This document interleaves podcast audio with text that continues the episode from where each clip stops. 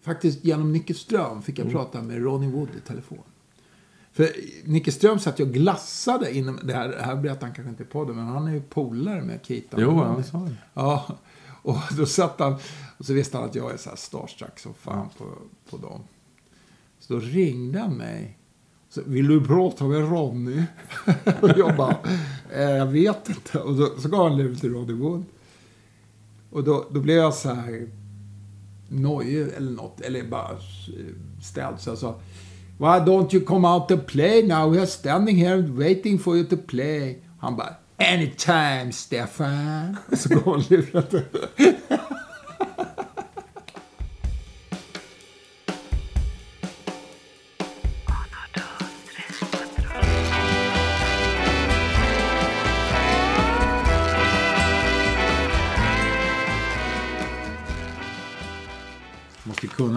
Norska texterna också.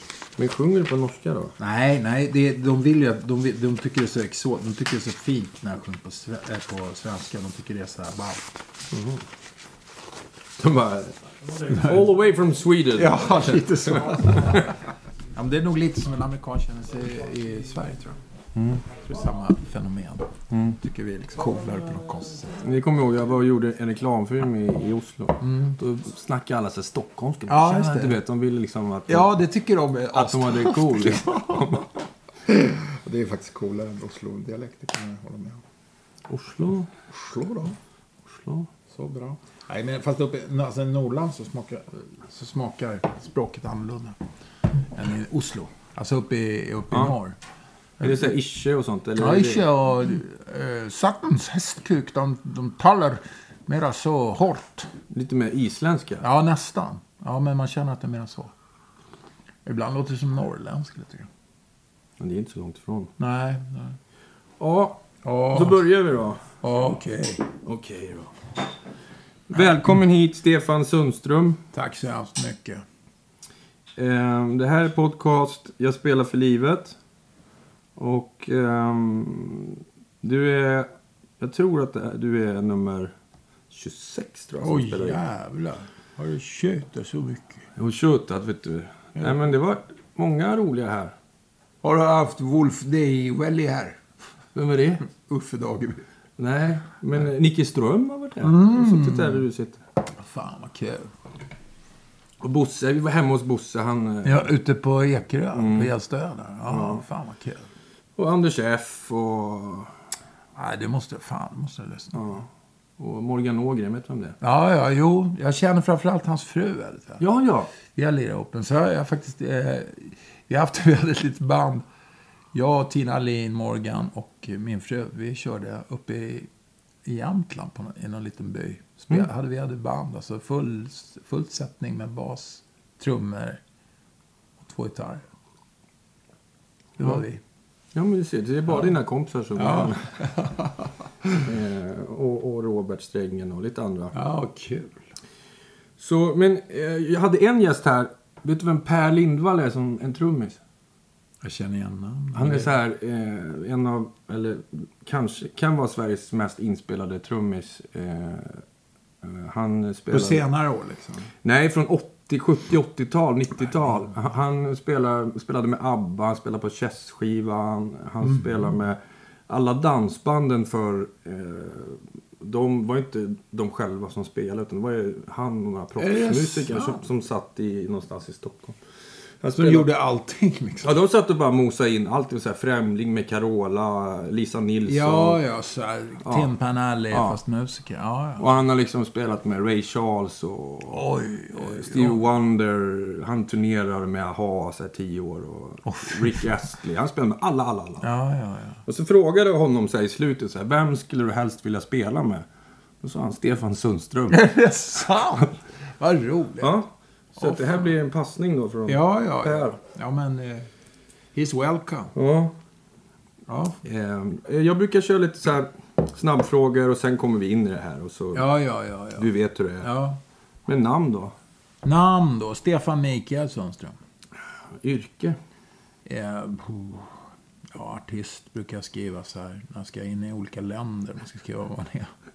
Men, eh, ja. Trubadur. Ja. Tycker jag är bra. Det är så jävla bespottat. Ja, Ja. Men det, jag gillar det. Hela trubadur. Ja, det tycker jag. Mm. Men det är lite, du är lite skribent. Ja, jag skriver, det gör jag nästan mer nu för tiden faktiskt. Jag, Mm. jag skriver mycket tidningar och så. Och du är författare, du gör böcker. Du är Mm. jordbrukare. Ja, eller månskensbonde mer. Alltså, Ja. Jag lever ju inte riktigt på det, men jag har eh, länge, sedan ungarna var små, hållit på att odla som fan. Miljökämpe. Ja, kanske det. Ja. Och skådis. Nej, det var länge sedan. Men jag, jag, det, var ju så här, det är en sån här grej man får om man är liksom kändis. Och Ja. det inte betyder någonting. Eller det betyder ju bara att man har varit med någon annanstans. Och så tänker någon smart, eh, vad heter sån här coach? Nej, vad heter de? De som ska sätta ihop till filmer. Vad kallas de för? Headhunter? Nej, ja men du vet. Casting director. Casting directors tänker Ja. liksom, ah, vi måste ha med någon jävla kändis.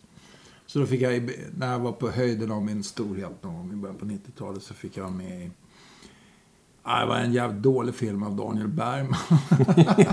Fast det var ett jävligt bra manus skrivet av Reidar Jönsson faktiskt. Han som skrev Mitt liv som hund. Han skrev ett skitbra manus. Så jag blev så här, wow. Det var liksom en jättebra eh, överlappande berättelse med massa... Och så, liksom, det var ju Loffe Karlsson och Lena Endre och Gunnel Lindblom och Keve Hjelm. Liksom. Det var ju Oj. värsta stället.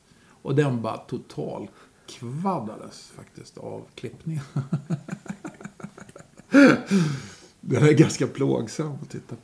Men eh, jag vet inte vilken film, men det är någon film där du så spelar någon hemvändare till någon eh, by också. Ja, men det är den. Är det? Det är Ja. den. Ja. Blonderat hår har jag. Ja. Men eh, om man eh, kollar så... eh, Om man ska se dina... Dig i siffror så har du fått så här 9-10 utmärkelser. Så här, tre Grammisar och Bellman-stipendiet och Taube-stipendiet, Cornelis-stipendiet. Fred Åkerström, Fred Åkerström-stipendiet. Så många anser att eh, du är liksom med. Det är Taube, Bellman, Cornelis och nu är det du som håller i den. Ja. ja. Alltså jag tycker det är häftigt att vara en del av, av liksom någon slags tradition. Mm. På det viset tycker jag det är bra. Speciellt eh, Cornelis kanske. Mm. Nej, men det, ja, det är väl schysst. Jag gillar ju det. Jag gillar ju liksom, eh, ja, vad man ska säga, svensk vistradition. Det, det, det tycker jag, ja, det är, det, är, det är jag stolt att tillhöra. Mm. Verkligen. Men det betyder ju, sen, sen så håller jag på med andra, alltså det, jag vill ju inte fastna, liksom sitta fast i det. Jag vill kunna spela dub-reggae. Men, men att det är det som är grunden för det faktiskt. Mm. Det tror jag. Mer faktiskt än, än amerikansk blues liksom, och afroamerikansk eh, musik. Så är det det Mm. faktiskt. Du har ju någon slags eh, Stones-vibb Mm. också. Ja, men det, det är ju för att jag, alltså när jag var i tonåren eh, tyckte det var jävligt befriande på något sätt med, med den grejen som, kom, som Stones liksom eh, stod för i alla fall i, i ens medvetande. Sen så har man förstått att de kanske inte alls stod för det själva. Då. Men, men, liksom, men, men det, den eh, bilden som målades upp av det tyckte jag var Mm. häftig. Och mycket om hur man är som man. Som man skulle, alltså det var befriande. Det var lite som, lite som Bowie funkar för många också. Men det här med hur Mick Jagger var som scenperson. Mm. Och hela det här att man liksom slags uppror mot gamla konventioner och sånt. Det tyckte jag var skitbra. Mm. Sen, sen är det väl så här att jag är inte så jävla musikkille egentligen. Jag, är med, jag gillar text alltså. Mm. Eh, sen så hade jag mycket polare som, som lirade redan när jag var 13-14 år. Och det, det gjorde liksom att jag drogs... Ja, det blev mitt sociala sammanhang. Om jag inte hade haft det, då hade jag varit någon eh, blek kille som satt och skrev böcker, romaner liksom, som ingen ville läsa. så, så jag skrev låttexter istället. Ja. Så, lite så, precis så tror jag jag är faktiskt. Men eh, jag tror att det var ett bra val för det, de kom ju ut, eller folk Ja. du lyssnade på. Ja, och jag fick träffa tjejer och Ja. kompisar. Och det hade nog inte blivit så annars. Mm. Så det, är- det är sant. En, en fråga som alla i den här podden har fått. Vad är ditt första musikminne? Oj.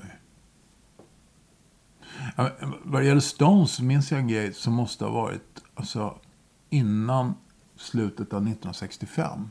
För att jag minns morsan och jag går in på Högdalens tunnelbanestation.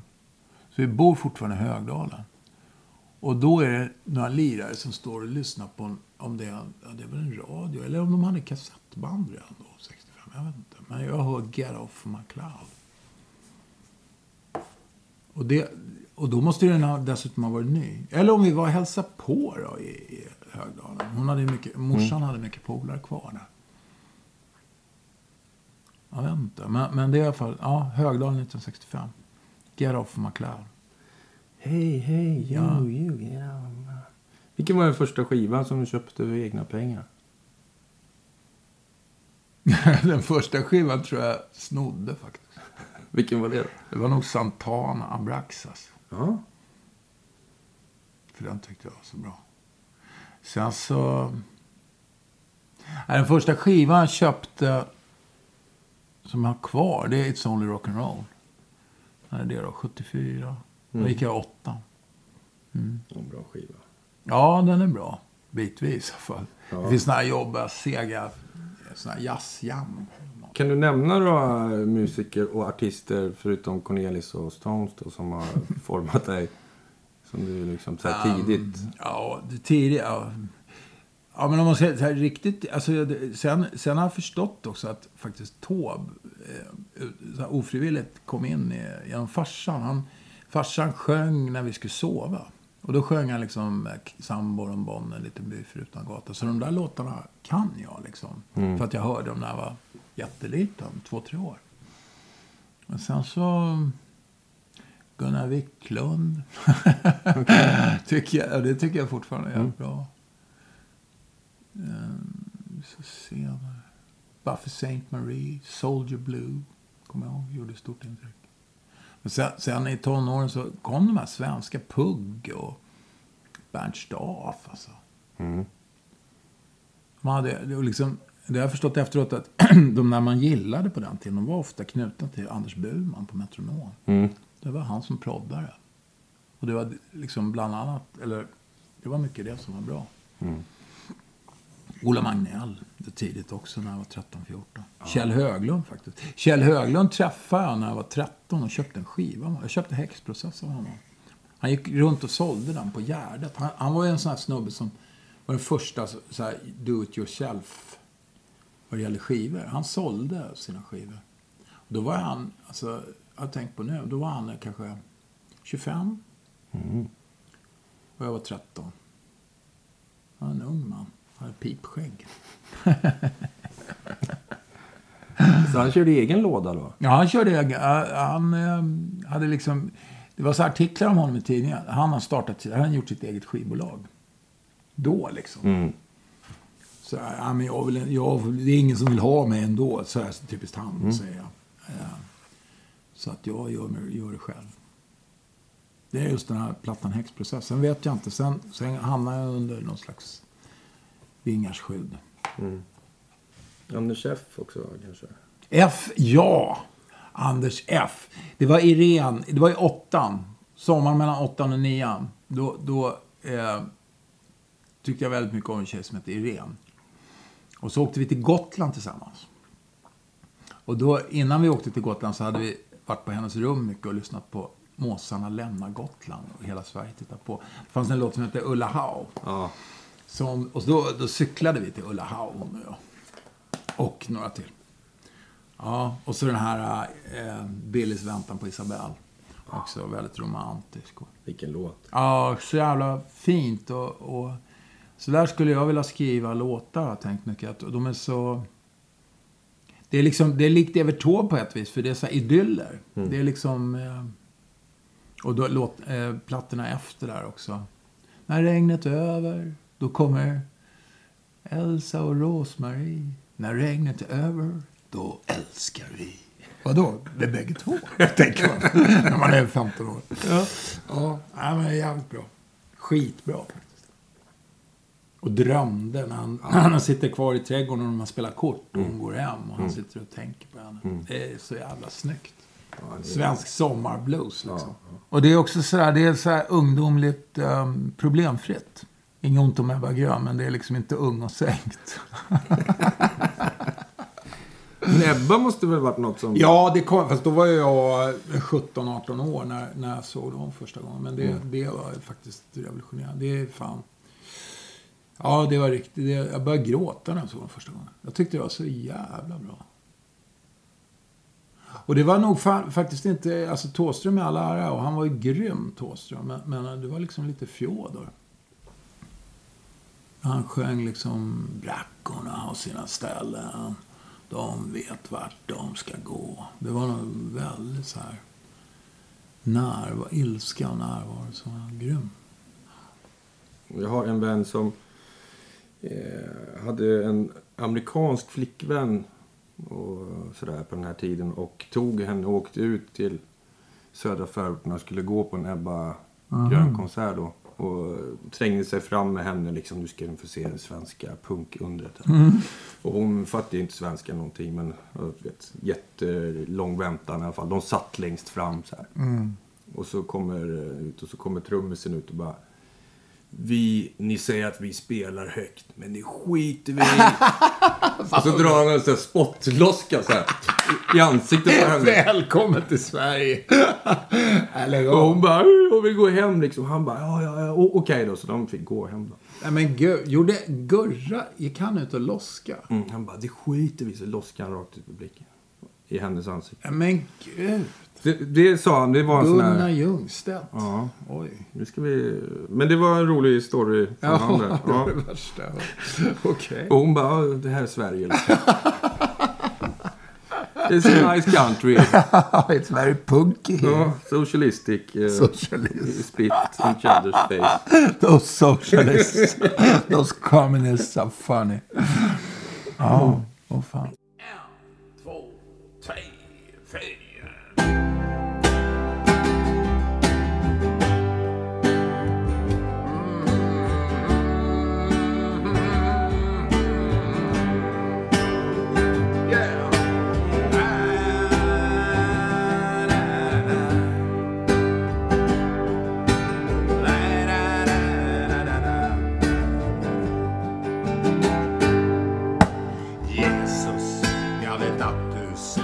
Släpper in varenda en till ditt krypin. Men om det ska graderas på något sätt vet jag en tant med förtursrätt. För när andra gick med listor mot att få flyktingar bredvid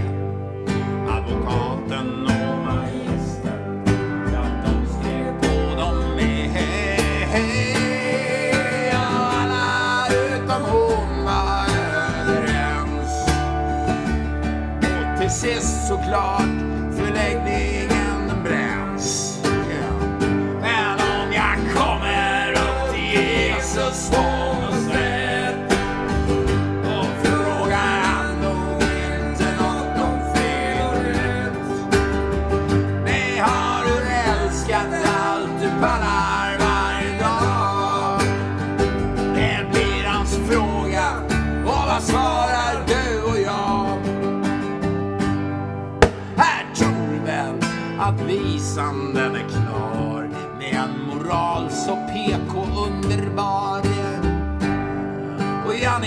Josefsson, han kom och gjorde reportage. Och då rakade varenda liten smyg-Adolfs av sig sin mustasch.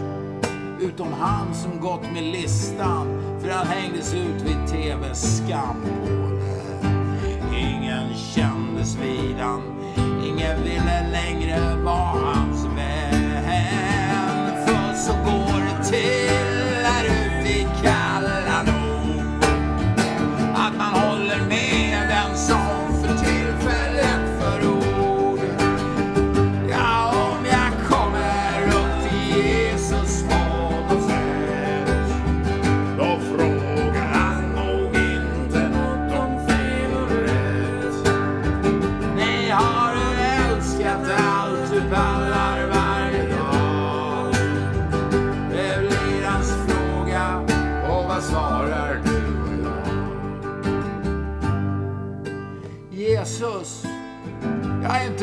bättre, jag. Jag vill inte ha något bråk här inne idag.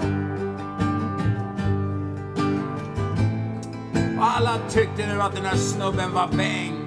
Men nu så kommer min poäng. För när alla gick i kyrkan, ja det var ett kristligt place. Så satt rassesnubben där och för sig själv och skämdes med sitt skamsna face. Och var den enda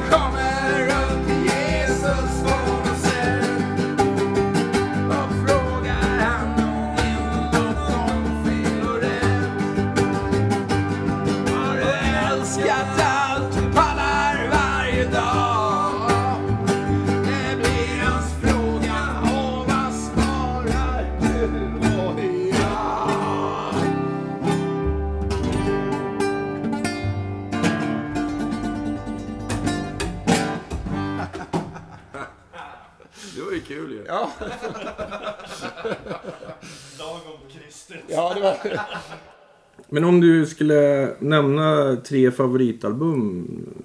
Kan du göra det? Uh, whatsoever, liksom Ja. alltihop. Ja, gammal vana då. Beggars Banquet med Stones. Ehm.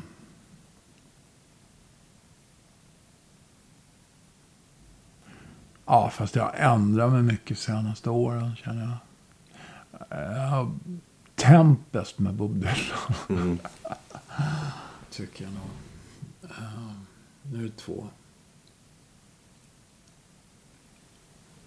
Ja, Ten New Songs av Leonard Cohen. Det, det tycker jag. Ja, Mm. så är det nog nu. Beggars Banquet sa jag som sagt bara av gammal vana.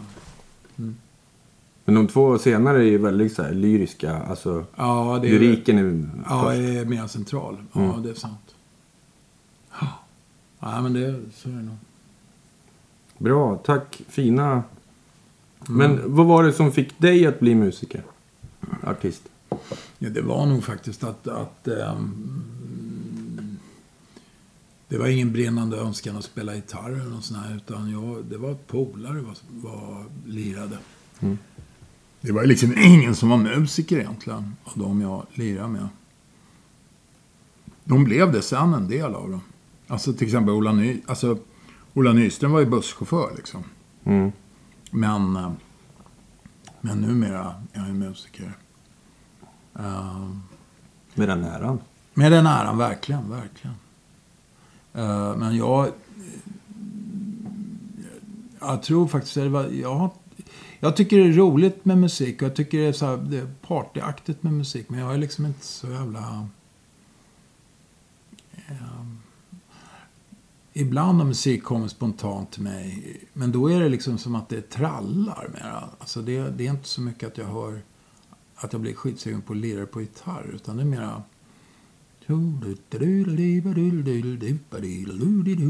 Liksom. Mm. Jag har inte riktigt de här... Men jag har ju träffat människor som är, som är musikaliska på riktigt. Och det är, då, då är, de, de bygger ju världar i huvudet liksom, som är, vad ska man säga, symfoniska. Och så, så är inte jag alls. Liksom. Mm. Jag är nog mera... Jag är, jag är kanske lite för intellektuell för det på något sätt. Jag tänker så jävla mycket. Mm. Lite för mycket för att kunna släppa. Måste liksom vara full för att släppa. Det är så. Mm, lite så. Men du har ju ändå varit väldigt produktiv. Ja, det, vad det gäller musik. Ja. Ja, det, det har ju blivit så. Jag liksom 20-30 års tid uppfattat det som min uppgift liksom. Mm. Så nu, just nu så känns det ju lite att jag går och tvivlar på den uppgiften. Att Det blir inte så många låtar längre. Det blir mera text alltså. Mm. Det, det kan jag sörja lite grann, men, men så är det nog bara. Faktiskt. Men eh, vad betyder musik för dig då? Liksom om du ser tillbaka hela...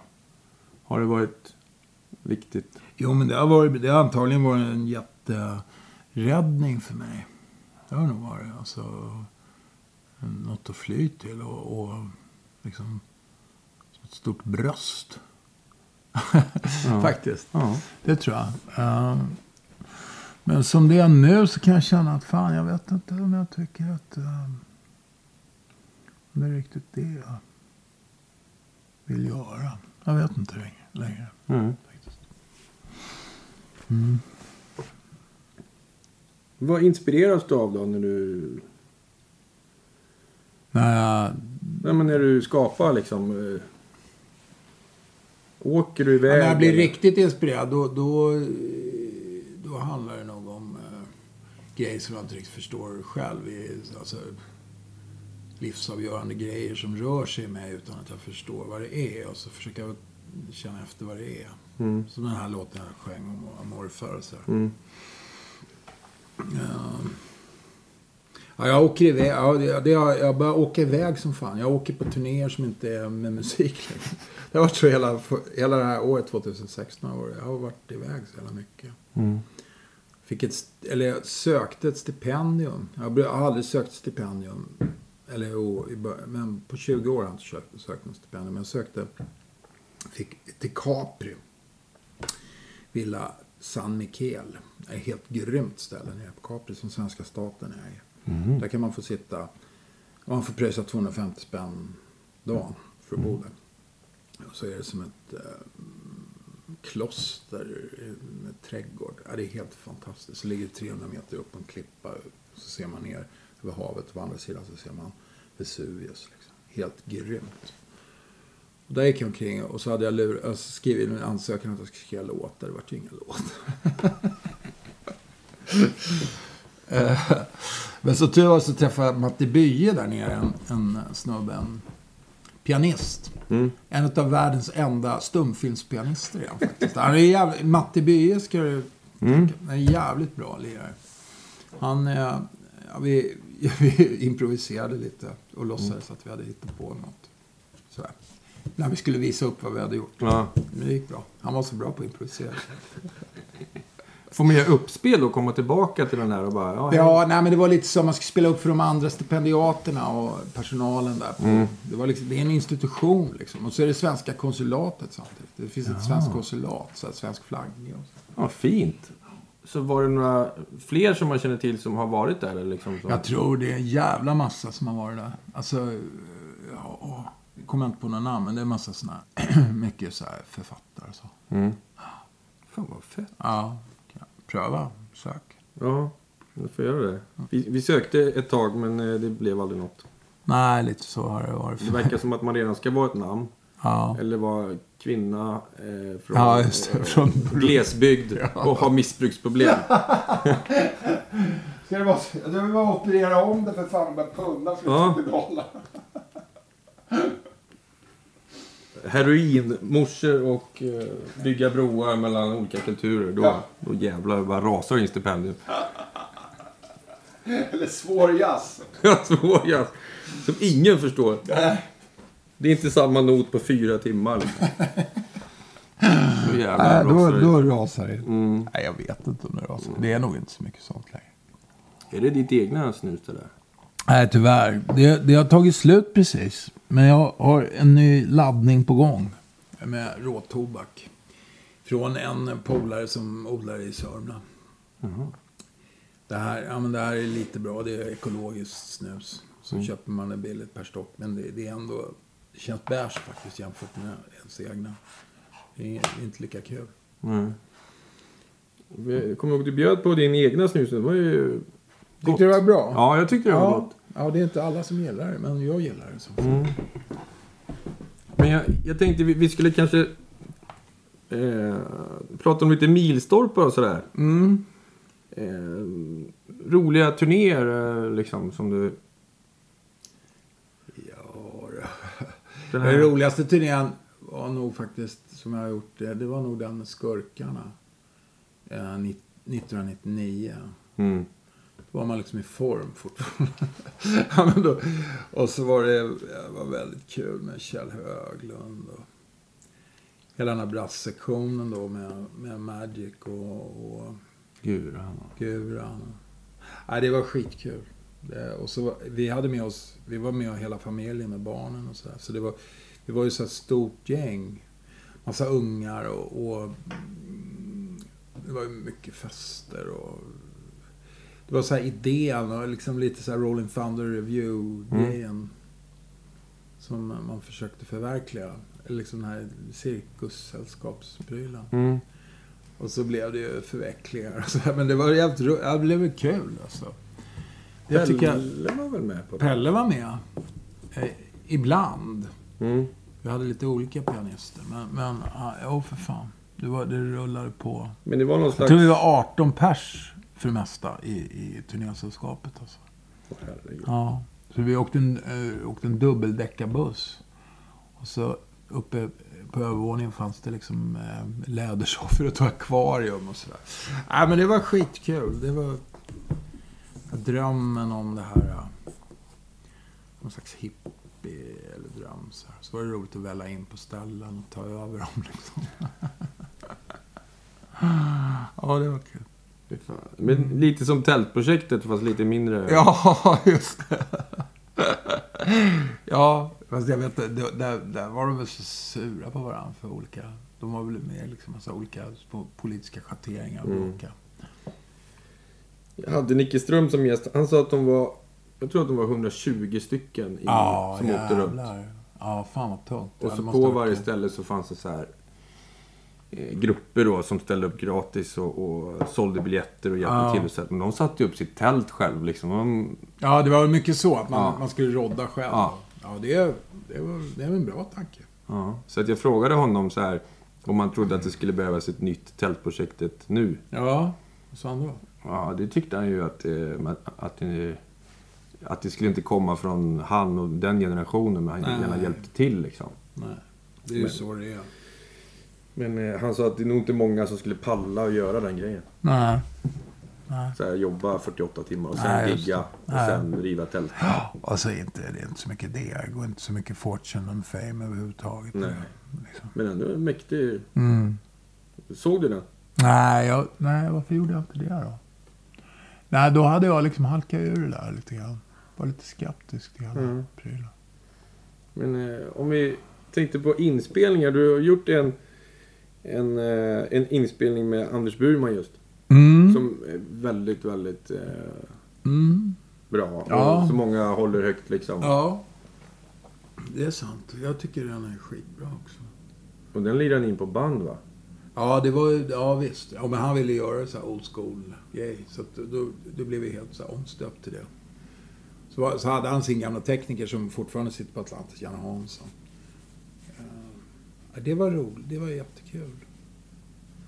Sen var det kul med, med han var, att han var så... Han kom igång efter ett tag och då blev han ganska auktoritär producent. Mm. Så här som man inte var van vid.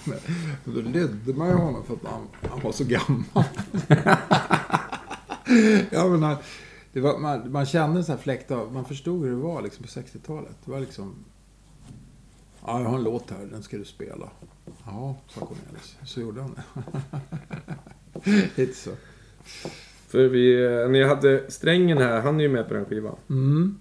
Så pratade vi om en, ett solo som han gör på en låt som heter Låt dem gå. Eh, Låt dem gå. Ja. Och där så spelar och så slutar ni spela, sa strängen. Mm. Och Anders Burman i, i talkback-micken bara Vad Ja. fan håller ni på med liksom? Det är det bästa jag har hört. Ja. Kör så klippte han in er Ja, just det. på... Ja, Janne Hansson klippte. Ja. Det var han som satt med sax och Ja, klippte. men ändå. Ja, för fan. Jo, men så... Det är roligt. Jo, men han var ju så här mycket så här eh, klassisk amerikansk producent som tryckte ner och skrek ut till... Tryckte i talkback-knappen. Det var roligt. Det var roligt att göra den grejen. Mm. Och att liksom... Det var ingen idé att bråka med Anders Burman då, då för att... Eh, det var liksom ett geniarbete. Så. Det var roligt att se. Mm. Vilket... Ja, men, Salig åminnelse. ja, verkligen. Ja. Men eh, sen musikaliska möten. Du har ju gjort rätt mycket såna här eh, duetter och... ja, jag har liksom aldrig sagt nej. Nej? Nu har jag faktiskt tjatat mig till att få göra en duett med Malena Enman. Ooh, Yeah. hård brud. Ja, hård bröd. Bra bröd. Ja. Eh, vi ska göra en liten vaggvisa ihop. Mm. Nästa vecka på onsdag. Ja, om en vecka precis. När jag kommer tillbaka från, Mm. från Norge. Ska vi sjunga in Liber Mont du, du lebt så stille. Fast på svenska. Ska hon liksom ha opera Ja, output? ja. Och det ska ju inte jag ha. Hoppas jag. Snabb, eh, gå en crash course i, i opera här i Norge. Skärp dig du, du måste öva. Magstöd, Ja. Stefan. va? Lalalala. Men eh, vi gjorde ju en turné tillsammans en gång som och var någon slags... Och ganska många artister som åkte runt i en buss i en vecka. Mm.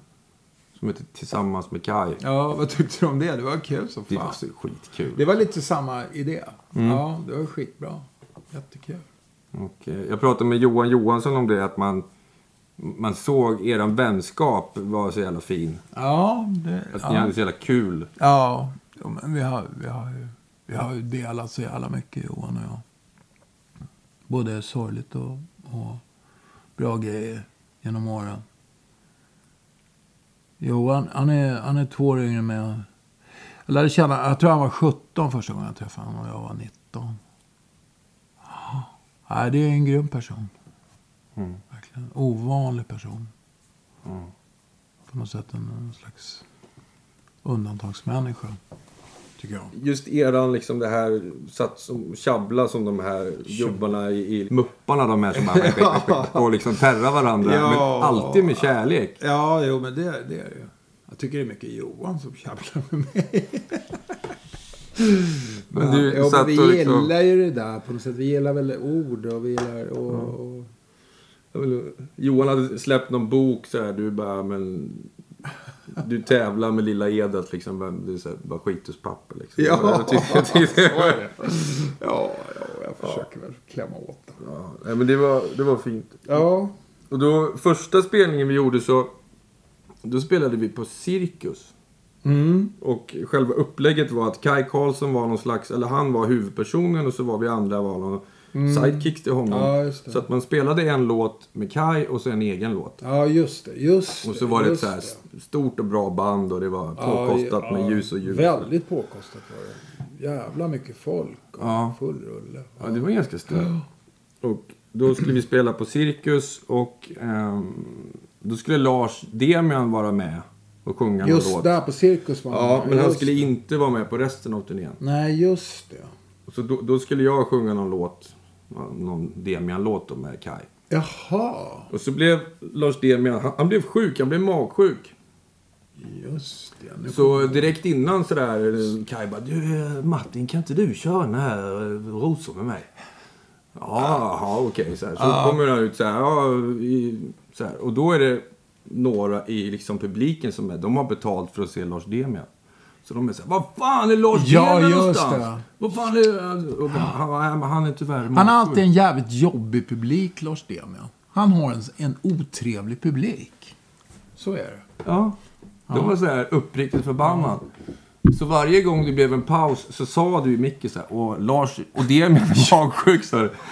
Det var så jävla roligt. Ja, ja just det. Nu kommer jag ihåg det. Det var roligt. Ja. oh. Ja, men det, Ja, men Lars Demian tror jag har dragit på sig så här, eh, du vet, eh, det, det har mycket den här låten Alkohols fel. Mm. Alltså massa studenter som vill ha kul. Då ska det vara så alkoholromantik. Och, så, och då ska det fan mig vara det också. Mm. Så här. Eh, det tror jag har blivit en förbannelse för honom lite grann. och det är många som spelar den i så här Ja, man, man sådana bara, sammanhang. Ja, liksom. man blir bara förbannad när man hör det. Tycker jag. mm. Men det var... Det är så synd för han har ju skrivit så jävla mycket bra grejer. Sen är det väl inget fel på alkohol, men alltså som den tas upp av folk som går någon jävla teknisk eh, avancerad utbildning. Och så ska de vara så här studentikosa och Ja. dricka sprit. Ja. Och så jackor med massa 2000 olika märken Ja, på. just det. Ja, och så ska det underhållas av någon jävla trubadur som de liksom ska förnedra. Fy fan. Ja, Ja, ja så är det. men... eh, Ja, ja. Ja, för fan. Ja, för fan.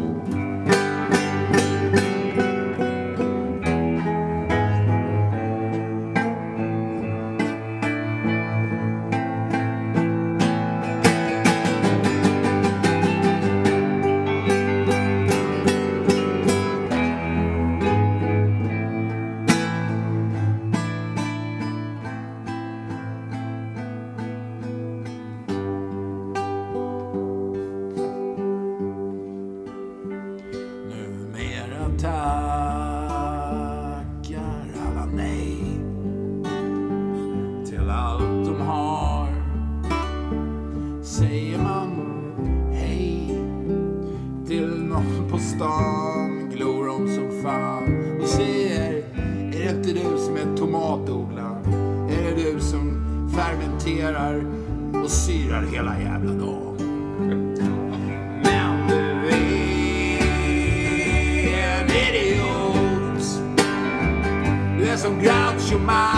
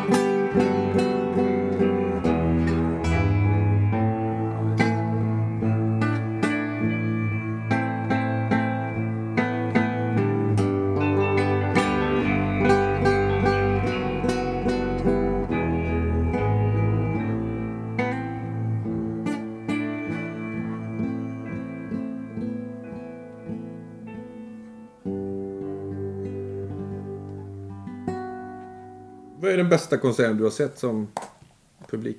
Som publik? Ja, det får bli Rolling Stones. Eh, 2003 på Cirkus just.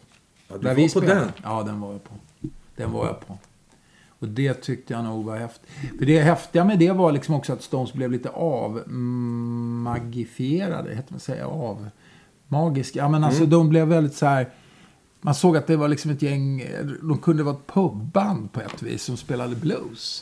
För de var så här, de, det var liksom lite, de konfererade lite med, det var inte så här pang, smack, eh, jätteproffsig show. Utan det var lite att de pratade med, ja ska vi köra? Och så körde de mycket eh, Otis Redding. De körde mycket det de gillade att köra tror jag. Ja, Jimmy Reed. Alltså Chuck Berry-låtar. Skitsbra grejer. Vad fan, vad var det? Det var någon soul-låt som jag aldrig hade hört med någon. Vad fan var det för låt? Out there. Nej, nej, vet fan. Det var någon. Det var jävligt bra i alla fall. Eh, på ett så här genuint bra sätt. Som inte bara kändes så som en proffsig show. Utan väldigt feeling. Och sen fick jag prata med, faktiskt genom Nicke Ström fick jag prata med Ronnie Wood i telefon. För Nicke Ström satt ju och glassade inom, det här, det här berättar han kanske inte på podden, men han är ju polare med Keaton. Jo, han sa det. Ja, och då satt han, och så visste han att jag är så här starstruck som fan på, på dem. Så då ringde han mig. Så, Vill du prata med Ronny? och jag bara, eh, jag vet inte. Och då, så gav han lur till Ronny Wood.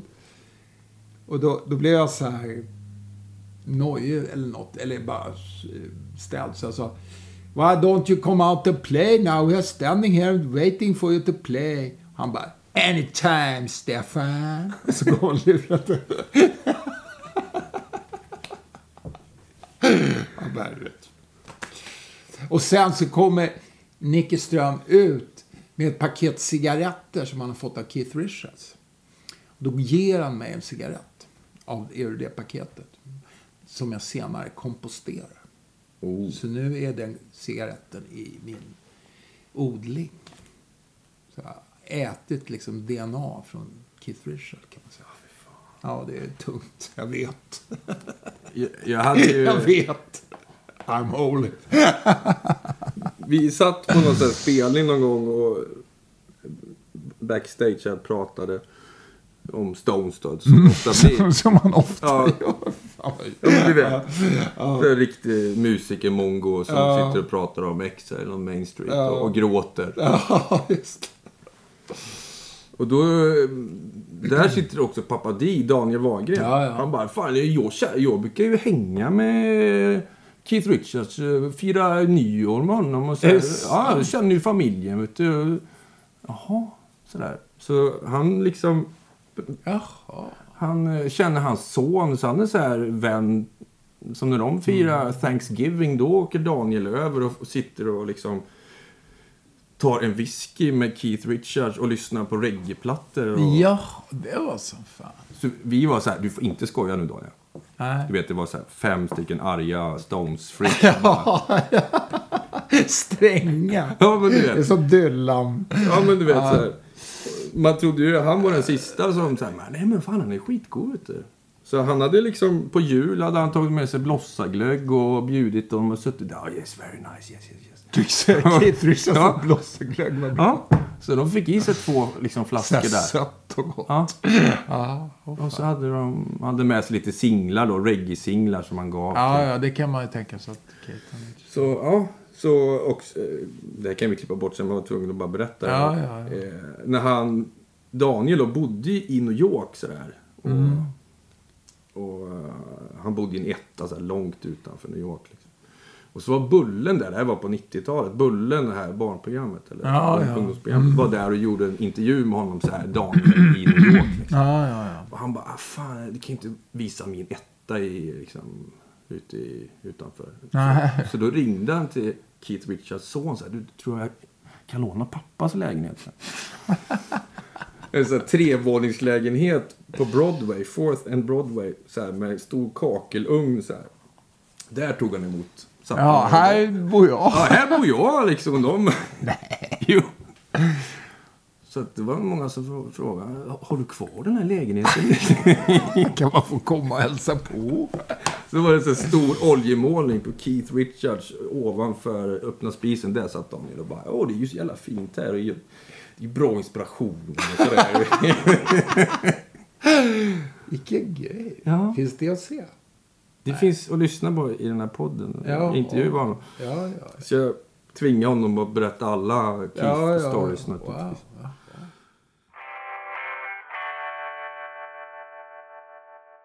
Också, just när man är på turné så kommer man in i någon slags bubbla och någon slags tugg sådär. Ja. Som är svårt när man då kommer hem Mm, mm. till barn och fru. Jag, jag kom ju just eh, när vi var på den här Kent Karlsson-turnén så höll vi på att prata engelska och rock'n'roll. Och så rock'n'roll. rock'n'roll. Rock Och så ringde du hem till Karin mitt i turnén och bara Hello Karin, rock'n'roll. Hon bara Ja, hon blev... Alltså. Jag bara la på. ja. Detsamma med min fru. Hon bara Ja. Vi hörs när du kommer hem. Ja. Men hur är det att, att komma hem? Är det bluesigt när du har varit på turné och komma hem och liksom, det är tomt? Jo. Fast jag, alltså nu var det länge sedan jag var på någon, den typen av turné. Jag åker ju runt jävligt mycket själv alltså. Mm. Och då, då blir det... Då, då, ja, då är man, det är också en bubbla, men då är den ensam och inte så mycket rock'n'roll. Då är det mera Edgar Allan Poe. Eller något. Är mer, Det var länge sedan du åkte med band. ja, det var skitlänge. Eller tre år sedan säkert. Mm. Ja, nej men... eh, Ja, men det är väl alltid, det är väl alltid problem det här med att komma hem och, och komma bort liksom. Det, men det, det blir jävligt påtagligt om, när, man, när det är med ett rock'n'roll-band tycker jag. Ja. Då, då, då blir det mer... Man sitter vid två och väntar på soundcheck med en öl hemma i soffan. Liksom. Ja, just det. Jo, jo. Och bara, du, Ja, just det. Man kan inbilla sig att livet är väldigt enkelt på något sätt på Mm. en turné. Det kan ju ha sina fördelar också. Men uh, nej, det där är inte så aktuellt för mig längre. Mm.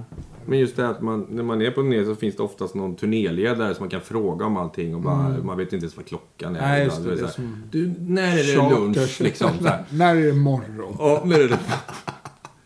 Säg till när jag ska spela. Jag sitter här och Ja, ja, ja. dricker. Jo, men det är skönt. Det är Ja. jätteskönt. Ja. Man kan ju bli, det där gör ju också att bara, folk som lever länge det där blir jävligt infantila och Mm. ganska bortskämda, Mm. kan man tycka. Och det är jävligt svårt eh, att sen eh, komma in i ett vanligt liv efter det där. Mm. Det, det kan man ju... Alltså grejen är för mig också, jag, jag knegade jävligt länge. Jag knegade fram till jag var 32 hade vanligt jobb liksom. Mm. Det tror jag var bra Mm. för mig, för, för min eh, hälsa också. Liksom, att jag, och sen, sen hade jag ju barn, så det, det fanns, jag hade hela tiden återhållande faktorer som gjorde att, att jag inte gick på den där grejen. Jag har liksom alltid hållit, jag har alltid tyckt att det är lite spinal tap över hela grejen. jag har aldrig liksom svalt romantiken med hull och hår Mm. med det där, faktiskt. Eh, Samtidigt är det ju en vacker, vacker dröm. Det är en vacker dröm om att vara ett gäng, tycker jag. Ja. Och speciellt om det är könsblandat. Det var det faktiskt lite grann på Kaj-turnén. Också på, på den här... Eh, det, var jävligt, det var också en jävligt bra grej med, med Skurkturnén med Kjell Höglund och Winnerbäck och det där. Ja. Att vi var liksom, eh, det var kvinnor och män och barn. Och, alltså, det, Mm. var, det gjorde att det blev vänligare också. Ja. Snubbar kan ibland bli väldigt mycket... Eh, ja, men enkönade miljöer är aldrig bra liksom. Och snubbar kan ju bli då, då om man ska dra de här kliché, genusklichéerna. Men det kan ju bli liksom ett, ett drängstuge. Det kan jag, upps, jag tycker det är roligt också med den, den atmosfären. Men, men det blir liksom lite enahanda, Mm. om man säger så. Nej, men det är kul när... Cookies and Beans var ju med då. Ja, just det. Och Emma Essing. Emma Essing, ja. Ja, fan. Grymt. Kan du nämna några nutida artister som du lyssnar på? Gärna svenska, sådana man Ja, nya. Annika Norlin, är hon nutida? Jag tycker hon är så jävla bra. Ja. Jag har upptäckt nu, Mm. faktiskt. I sommar har jag upptäckt det. Hon tycker jag är, är grymt bra. Men hon är väl inte så jävla ny då. då. Men Nej, hon är hon- inte lika gammal som jag i alla fall. Nej. Men hon, det, det, allting är bra. Rösten är skit. Den är så närvarande, tycker jag. Det är schysst. Hon har en jävla närvaro. Och sen så att hon... Ja, eh, superbra poesi och... Ja, jättebra. Fan finns det mer som är bra och nytt? Nej, jag kommer inte på något mer.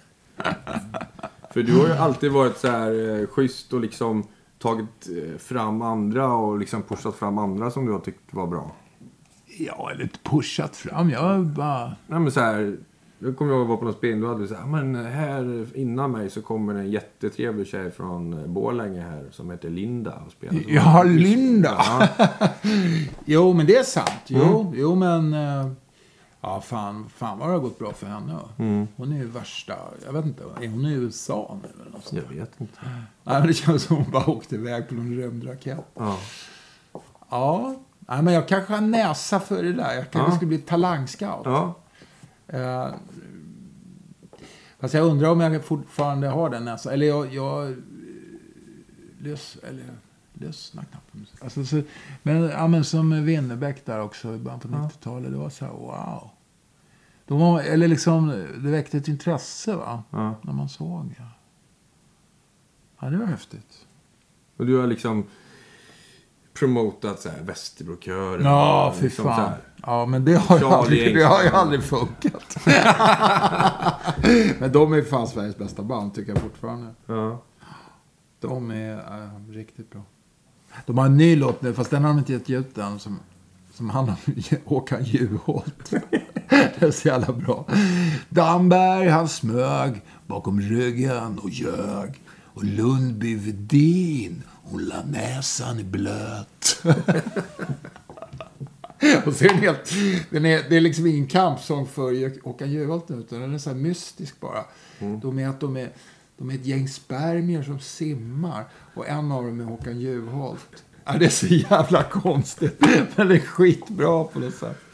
Vi var som syskon, vi simmar i stem. Öppna portalen, ge oss ett liv. Och så handlar det om Håkan Juholt.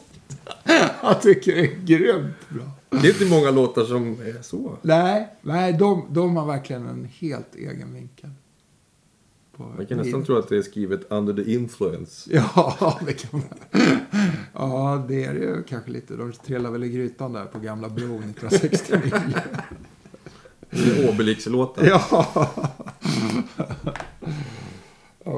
Lillpojken leker i trädgården där jag bor. Han kallar mig för morsan fast jag är farsa till hans mor. Han namnger hela världen. Världen är en vacker plats.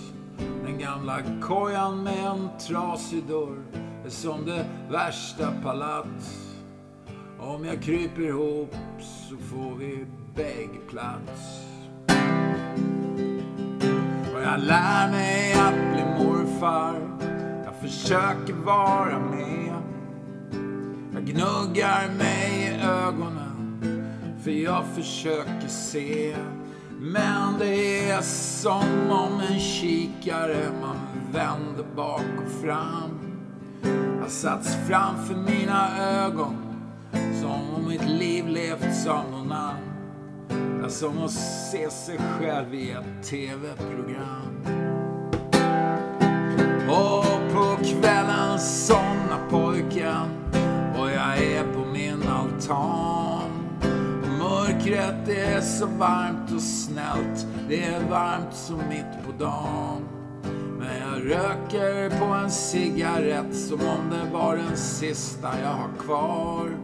Som om kommandoropen ekar, som om det bara var ett par minuter kvar. Och prästen höjer korset, i hörnet står min kista tom. En kaserngårds gråa gryning, och man läser upp min dom. Jag har andats ut av lättnad när flaskan slutligen har tömts. Först då har jag kunnat somna och då har jag kunnat glömt. Och sömnlöst har jag glidit in i svart och drömlös sömn. Och vaknat varje morgon som när man faller i en dröm. Jag levde hela livet mitt som om det var någon annans. Jag väntade på att någon skulle ta över som om jag fanns någon annanstans. En kikare som vändes så att allt hamnar långt bort. Jag sitter här och stirrar fast jag egentligen har gått. Där inne sover grabben. Det är någonting som man kan. Någonting som jag en gång har kunnat. Någonting som någon gång försvann. Någonting jag sumpar när jag vandrar vägen fram.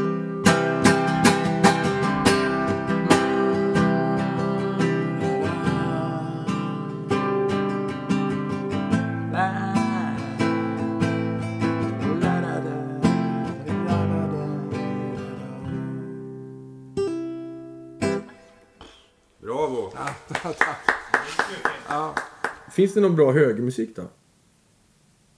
Nej. Nej. Skulle vara någon marsch då eller något?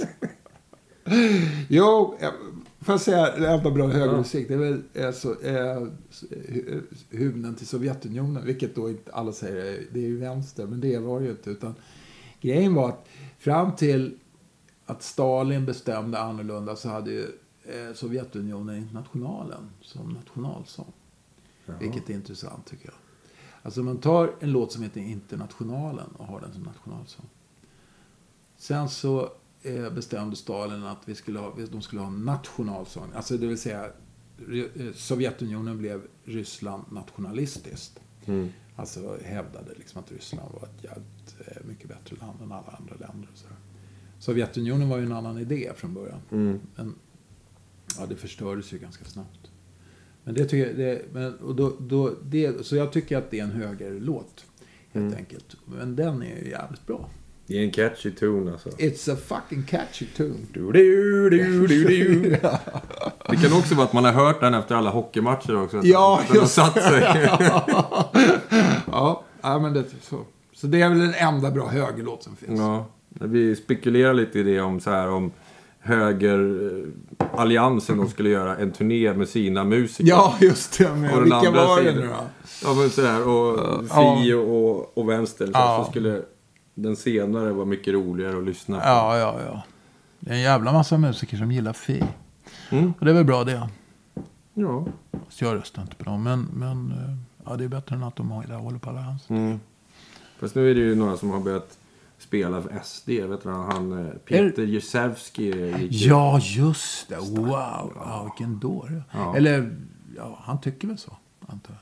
Ja, men jag, har aldrig gillat honom faktiskt. Nej, jag... Det är någon vibb runt honom när man har träffat Boppers här. Mm. Som Nej, jag det är inte min... Men vilken... Min style. Vilken... Vad fan säger Jerka?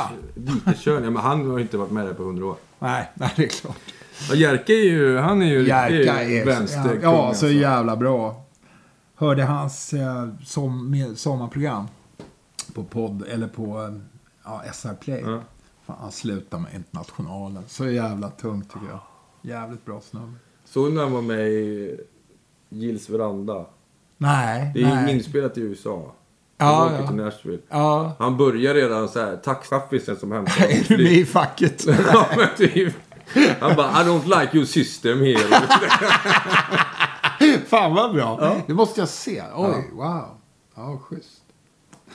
Jävla hjälte alltså. Ja, det är verkligen en superhjälte tycker jag. Och fantastisk artist. Ja, ja. Hur grym som helst. Jag har sagt det någon gång i den här podden, men när man ser på tv sådär, ja, men unga människor som, eller så här halvunga människor som kommer, du ska sjunga och spela i tv. Och man tycker såhär, vad fan, jag känner ju hundra stycken som är bättre än det här. Så kommer Jerry Williams ut. Nej, det gör man inte. Då man bara, shit, det är så här det ska vara. Det här är ju underhållning, det här är entertainment, det här är musik. Eller Björn Skifs eller Ja, ja. Lill-Babs eller något sånt. Som man liksom kan jobbet. Ja, visst. På ett väldigt så grund... Formats av sitt yrkesliv, kan man ju säga. Också. Som har gjort så här 200 000 spelningar och vet hur man... Ja. Ja, men det var väl det. Det är väl liksom det nu att det är som förbrukning. Det är så snabb, vad heter det, bäst före-datum Mm. på folk som slår igen. Alltså de, de hinner ju aldrig... Man hinner ju inte få in den prylen liksom. Nej. Att, eh, ja men, turnera år Mm. efter år. Hela den prylen. Man turnerar ett år, sen har man rökt. Sen får man, jag vet inte, bli bartender. ja men du vet. Man får spela på någon så här köpcenter ett. Ja, just det. Och sen är det så färdigt med det också. Mm. ja, det är hemskt. Ja. Eh, jag hade Bosse Skoglund med på det. Han eh, estimerade att han hade gjort 5000 gig bara med Peps Persson. Oj, jävlar. 5 000. Låser åt. Ja, men det är ju säkert så. De har ju De har spelat i 40 år. Och han sa att de låg på runt 120 gig om året. Ja, det, det stämmer säkert. Jag såg dem när jag var 14. Alltså 74. Gubbängs gymnasium. Det är de. Men alltså, tänk, då har du ju verkligen... Då, då har du fått spela, du har liksom... För du, Ja. Bara att göra en... Nu finns det nästan inga sådana turnéer, men bara spela i två veckor med samma människor. Ja. Varje dag. Ja. Gör ett, när du kommer ut på Ja, det andra en, sidan så ja, är det ja, ju- det är en det det förändrar en. Ja, Det förändrar en. allting Ja. sitter och det blir som man kan vara fri och sådär. Ja, just det. Men får man spela tre gånger om året, klart man inte är så jävla bra. Nej, nej. Och så ska man sitta och vara nervös i någon green room Ja. någonstans innan. Och så ska man in och göra mima till någon låt man skrev för två år sedan. Eller något. Ja, det, Ja, för fan. Ja. Jag tänker på... Just nu så håller du på med något som heter likholm. Glada namn. Glada. Jag är på väg. Jag ska sticka. Jag måste kolla hur mycket klockan är. För tåget går Om 22.40. en och en halv timme. Ja, det är lugnt. Eh, ja, nej men det är ju en gammal polare till mig uppe i, i norra Norge. Alltså i, han, han bodde ute på en ö som heter Träna förut. Eh, utanför Bodö. Mm. Och han är väl ungefär som jag, fast han är norrman. Och, fast han, han försörjer sig som fiskare då, deltid. kan man göra i Norge. Mm. Ehm. och så har jag alltid varit intresserad av hans liksom, poetiska universum, om man säger så. Han ehm, har speciell... Eh, det är mycket så här natur... Eh, lyrik, va? Men den, det är inte någon snäll natur, utan en ganska ond eh, natursyn. Det är liksom nästan medeltid så här. Det är, jag tycker om det här hade varit black metal så hade det varit ganska banalt tycker jag. Men det blir inte så banalt när man ser poesin liksom som han skriver. Och sen har jag hållit på, jag har översatt massa låtar av honom till svenska. Mhm. Gjorde en sån platta för några år sedan. Som ingen jävel köpte då i och för sig. Men, men jag gjorde den i alla fall. Um. Och så, jag har blivit så själv så gripen av den nordnorska kulturen. Alltså liksom hela, och var, var i norra Norge, så här, var i Tromsö och var ute på Västerålen och sådär. Och var på den här ön Träna då. Så jag har försökt att skildra det där själv, men inte lyckats lika bra som han. Det är som att det, jag tycker att det blir bättre på norska. Men Likholmen då, är, då är det att han och några till har slagit sig ihop med en, en jävligt speciell konstnär som heter Martin Losvik som gör han gör egentligen små GIF-loopar. Alltså små eh, filmloopar som man sätter ihop i något program på datorn som jag tror egentligen används mycket av rave. Alltså när man ska göra så här rave, bara, ansikten som kommer upp och så exploderar de och så blir det stjärnor och så. Det håller han på, så gör han massa ganska maritima eh, teman i. Som jag tycker är skitballa. En slags... För mig är det väl något sätt att, att försöka skildra natur. Och så inte skildra natur på något sånt här gulligt eh, Discovery-sätt utan eh, ta fram det här lite skrämmande grejer. Så också mycket, så handlar det mycket faktiskt om undergång och död också. Och det fascinerar mig kanske lite grann för tillfället. Är det att det finns så här farliga väsen i havet? Som Ja, men det, ja, det låter ju så banalt. Men, men eh, det är inte lika banalt när man och är med honom ute på havet där och fiskar torsk. Nej. På något sätt. Det, Ja, men då, det, det är kanske också ja, men att man är äldre, man tänker på döden, man tänker på... Jag tycker, jag tycker, jag, jag tycker vi då, eller jag är ju bara sångare så jag skriver lite text men framförallt översatt. Men, men jag tycker man hamnar i någon jävla skön stämning med det där. Alltså. Som eh, känns bra för mig Mm. att vara i. Det är väldigt, eh, det är vackert. Mm, Musiken är vacker. Ja, och dyster och, Mm. och liksom eh, väldigt så här novembernatt någonstans utanför Bodö. Havet tuggar fradga. Nej, men jag, jag gillar det. Och så ska, jag- nu ska det bli så jävla skönt att komma dit och Mm. få åka båt igen och sådär. Det gillar du. Ja, där uppe gillar jag det. Ja. Så du, man kan, ja, du är så här halvnorsk nu då. Jag tycker det. Har du ansökt Jag är, fan, nej, men jag är hedersmedborgare i Träna kommun faktiskt. Jag har så här plakett. Att jag är... Nyckel till staden och sådär. Ja, fast det är ingen stad. ja, nej, det, det känns jävligt bra. Vi likar dig, Stefan. Ja, ja då. Fast de pratar inte så. Nu kan jag inte härma, men det, det, de pratar inte så. Det låter inte så där som det låter idag. Liksom, du vet den här tv-serien. om- Mm. Just det. Som i och för sig är en bra tv-serie. Ja, Sonja. sådana. ja då. Men, och sen så ska det vara turnénänny har du sagt. Ja, ska jag vara au pair-flicka Ja. i Spanien. Ja. Ja, jag ska vara eh, åt ett ba- eller band som min dotter spelar i. Mm. Så hennes barn, alltså det vill säga mitt barnbarn. Eh, ska vara med då under, det är sex gig på sex dagar. Och så är det liksom faktiskt över hela Spanien tror jag. Ja, jag fattar det som. Första giget i Malaga, sista giget i Bilbao. Oj. De flyger ner. Men jag, jag ska ha ett litet gig i Berlin 12 november.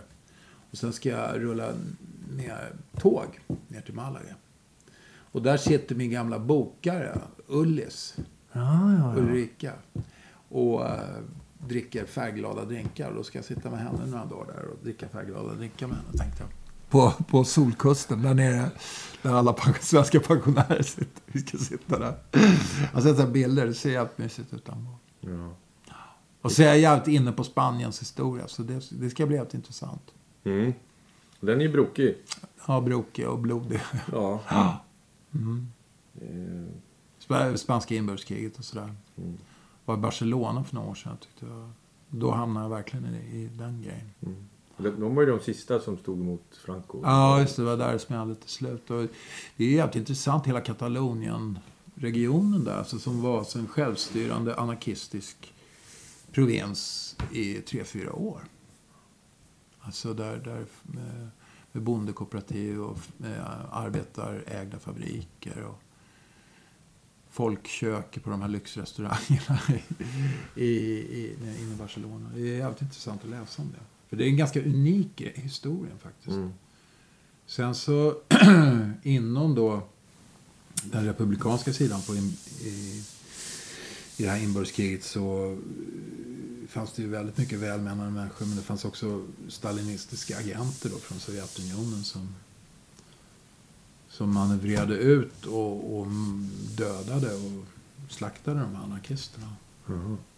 Det var liksom ett inbördeskrig i inbördeskriget kan man säga. Och sen segrade fascisterna då. Mycket på grund av det tror jag, på grund av splittringen. Mm. Sen så var det så också att eh, fascisterna segrade för att eh, ungefär som det är nu va. Eh, de här västliga demokratierna, England, Frankrike och Sverige också i viss mån. Eh, ville liksom inte supporta eh, antifascisterna. Men däremot ville Tyskland och Italien supporta fascisterna och Franco. Mm. Så de fick ju flyg och artilleri och allting. Och, så de blev väldigt tekniskt överlägsna. Medan eh, republikanska sidan bara hade frivilligkrafter liksom. Mm. Byggde bara på idealism. Och det funkar inte. Verkar det som. Nej. Det är mycket att lära, lära sig om. Det får du ta tag i när du är nere. Ja, du får jag ta. precis. Ska jag gå, åka ner och styra upp ser du. Prata med pensionärerna i Malaga. jag tror inte de är så sugna på att snacka om det. Fan, måste kämpa nu. Ja, internationella brigaderna ja. ser du. mot Franco. Mm. Här har vi, delar vi ut mausigevär. Mm.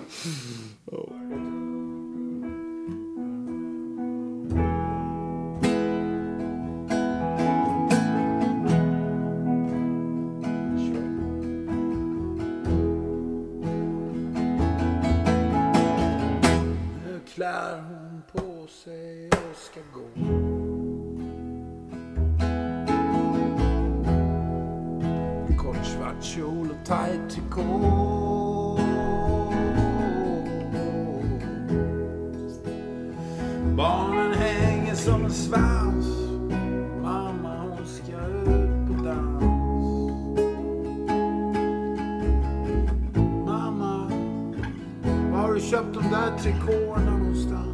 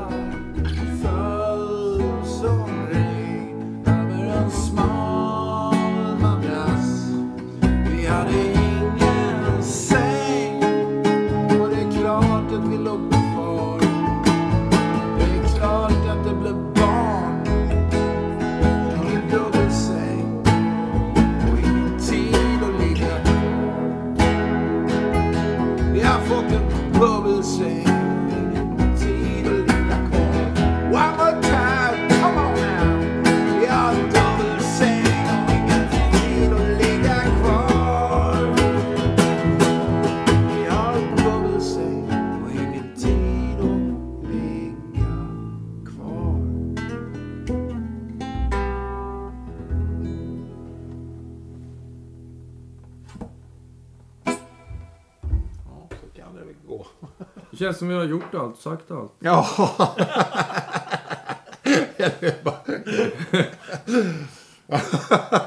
Har du spritt? Ja. ja, nej, jag bara skojar. Vi tackar eh, Stefan och eh, Claes Laspo på bas och Pelle Andersson på keyboard. Äntligen några från Dalarna får spela med. Det är trevligt. Fast det är inte så märkligt om man tänker efter. Nej, om man tänker på kultur. Det ligger i blodet. Om du har någon slags eh, framtidsönskan då? Vad, vad vill du göra?